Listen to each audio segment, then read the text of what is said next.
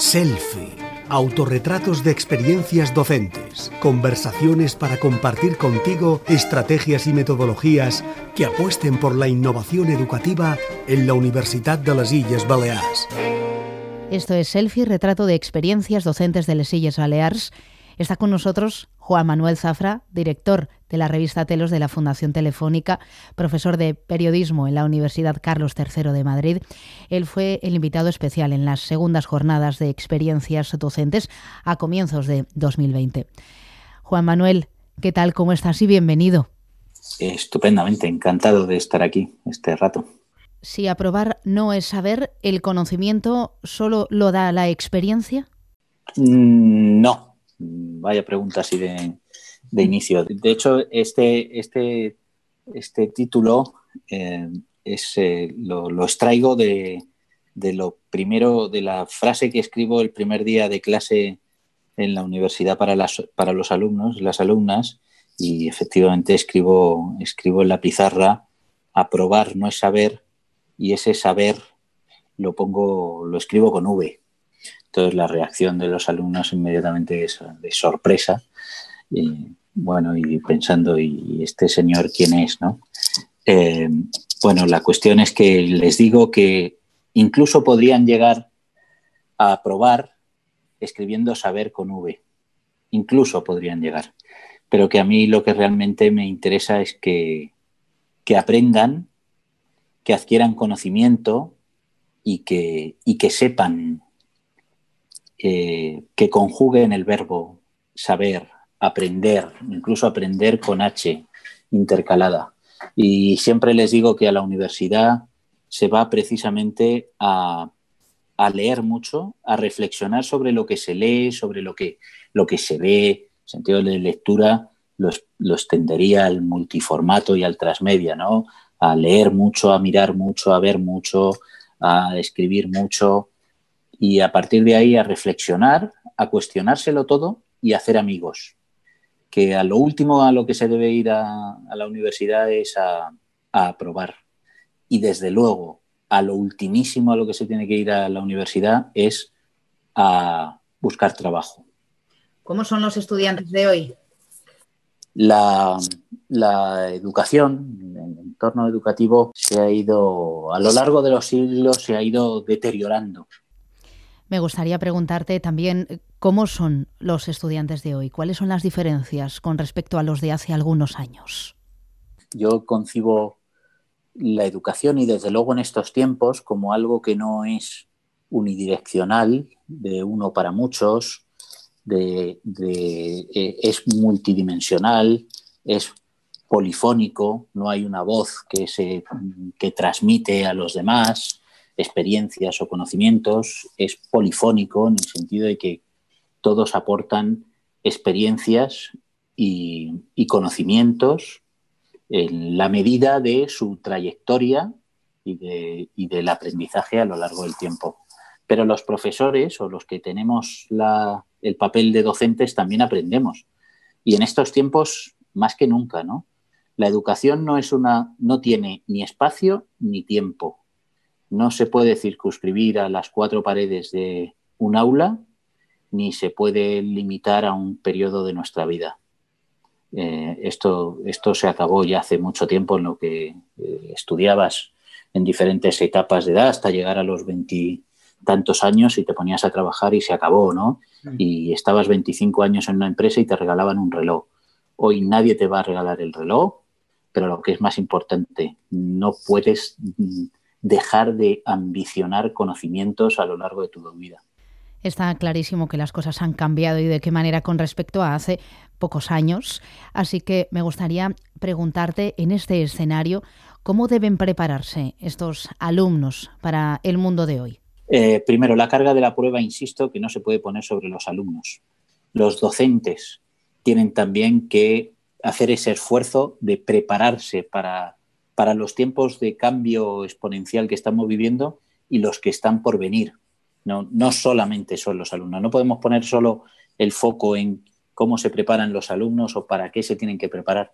También los docentes se tienen que estar preparando ya en nuevas, eh, en nuevas habilidades, en nuevas formas de interactuar con los alumnos y tienen que prepararse para lo que está todavía por venir. Lo hemos visto, por ejemplo, cuando se declaró la pandemia, cómo nos hemos tenido que adaptar inmediatamente a las clases mm, eh, virtuales, ¿no? Por, mm. por, videoconferencia. Bueno, eso, eso para muchos ha sido un auténtico trauma y todavía estamos aprendiendo a cómo hacerlo, ¿no?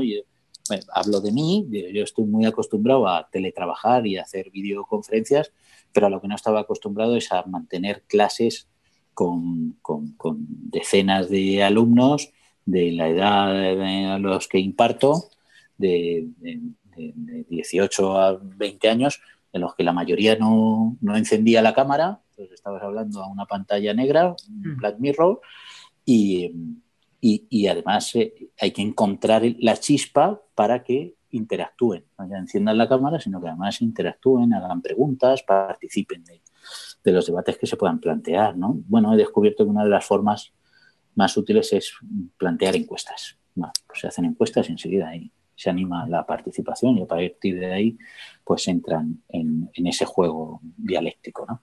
Eh, hay que estar apasionado por conocer, ¿no? Es que si no tienes pasión por conocer y, eso en estos tiempos en los que estamos descubriendo tantas cosas, tantos cambios que se están produciendo, la pasión es imprescindible igualmente para los alumnos y, para, y también para los profesores. Alguien que no tenga pasión por, la docencia no puede transmitir pasión por ninguna asignatura, por ninguna materia.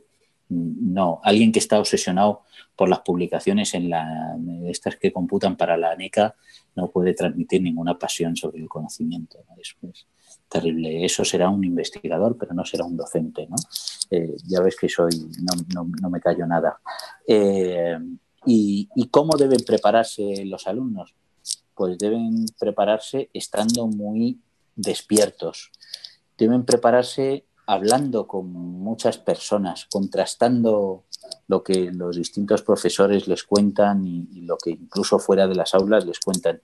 Prepararse, adquiriendo conocimientos mucho más allá de las, de las aulas. Hoy lo que, nos, lo que es Internet más allá de ese contacto inmediato de las redes sociales, lo que es Internet es, es la biblioteca universal.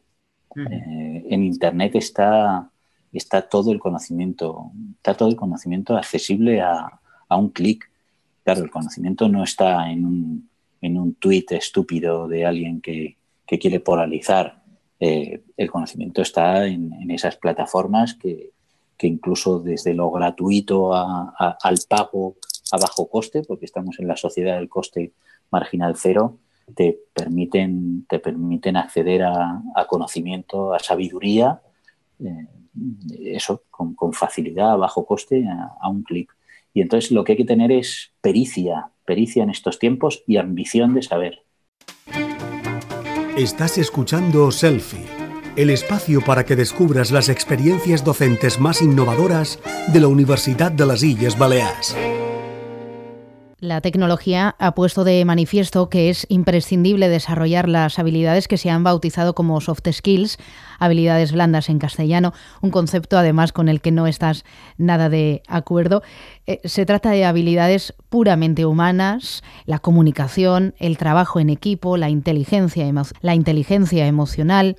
Hay que decir que la inteligencia artificial no es un concepto para nada contrapuesto a la inteligencia emocional, así que te pregunto si consideras que de modo paralelo al desarrollo de la tecnología se deben desarrollar sí o sí estas inteligencias que, como digo, son puramente humanas. ¿Es así?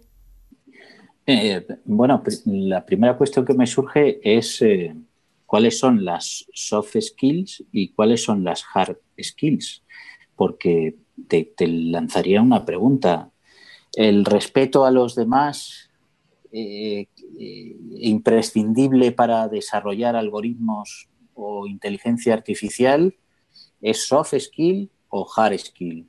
Es sin duda una reflexión interesante.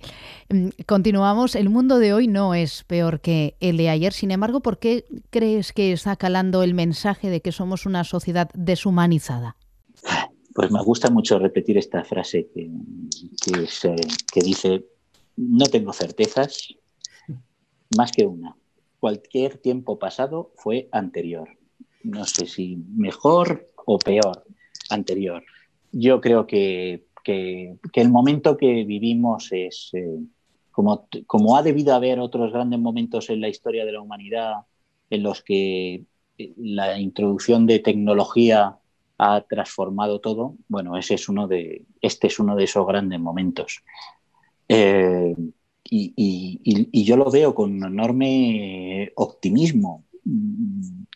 Eh, entiendo que cuando se producen estos grandes momentos de la historia, como consecuencia de la introducción y el uso de nuevas herramientas tecnológicas, pues hay quienes, quienes sientan mucho miedo y sobre todo sienten miedo quienes ocupan posiciones de poder que han, que han mantenido durante muchos decenios, siglos incluso, y, que, que la y que el hecho de que la tecnología nos empodere, y como decía, nos empodera las tecnologías de la información y la comunicación, sobre todo, nos empoderan en términos de conocimiento y de acceso al conocimiento, eso haya muchos, muchos de esos que ocupan posiciones de poder a los que les haga, les haga recelar y tener miedo, incluso combatir ese progreso tecnológico porque significa un empoderamiento.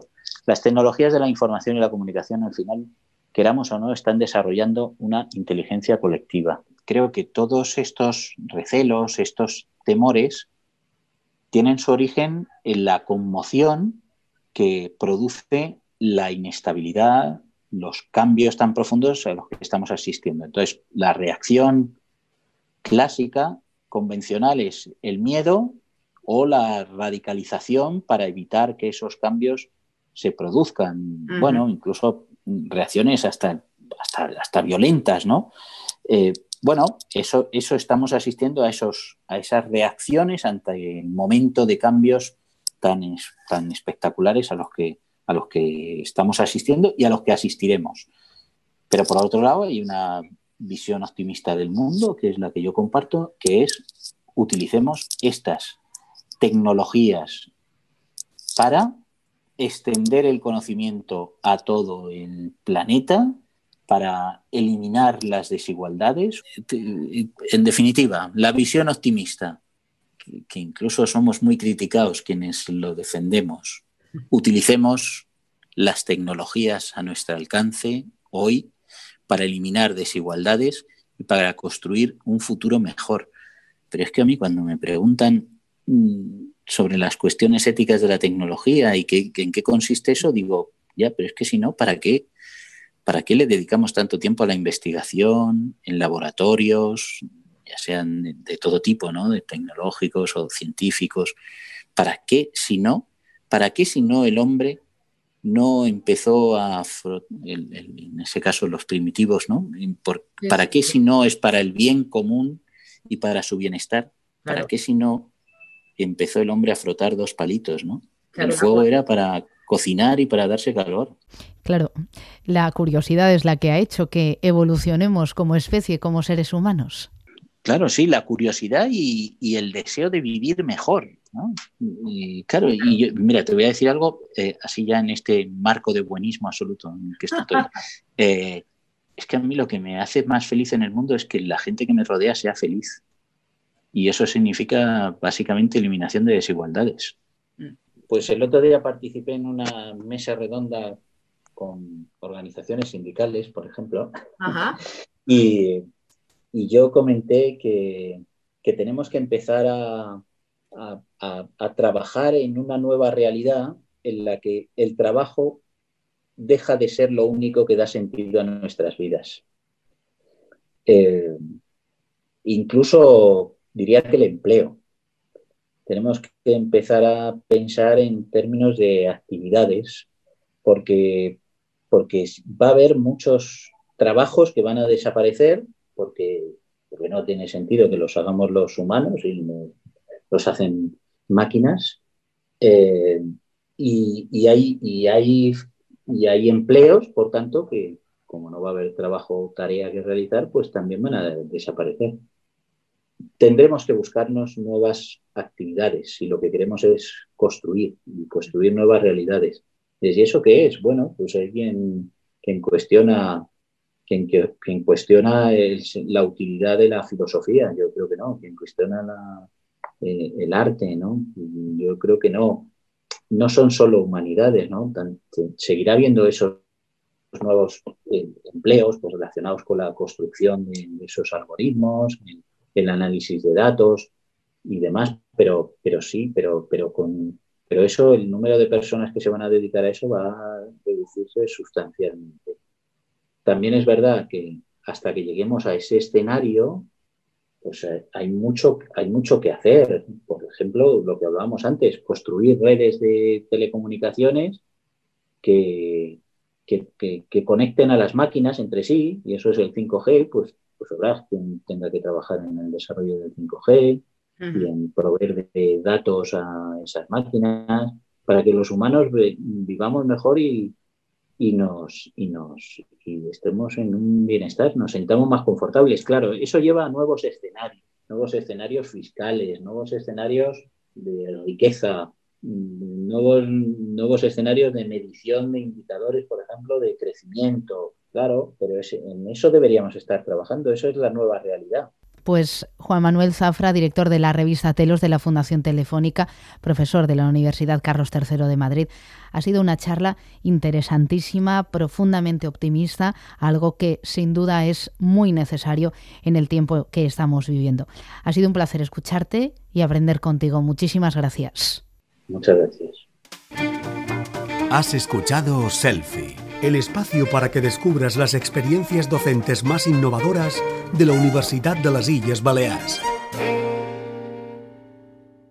Selfie Autorretrat d'experiències docents universitàries és fruit de les segones jornades d'experiències docents de la Universitat de les Illes Balears que tingueren lloc al gener de 2020. Els docents que apareixen en aquest treball són tots els qui varen participar en aquestes jornades exposant-hi i compartint-hi les seves aportacions innovadores. Aquesta publicació és possible gràcies a la convocatòria d'ajuts al Fons de Cooperació Universitària 2020 BDNS 495431 del Departament de Cultura, Patrimoni i Política Lingüística del Consell de Mallorca.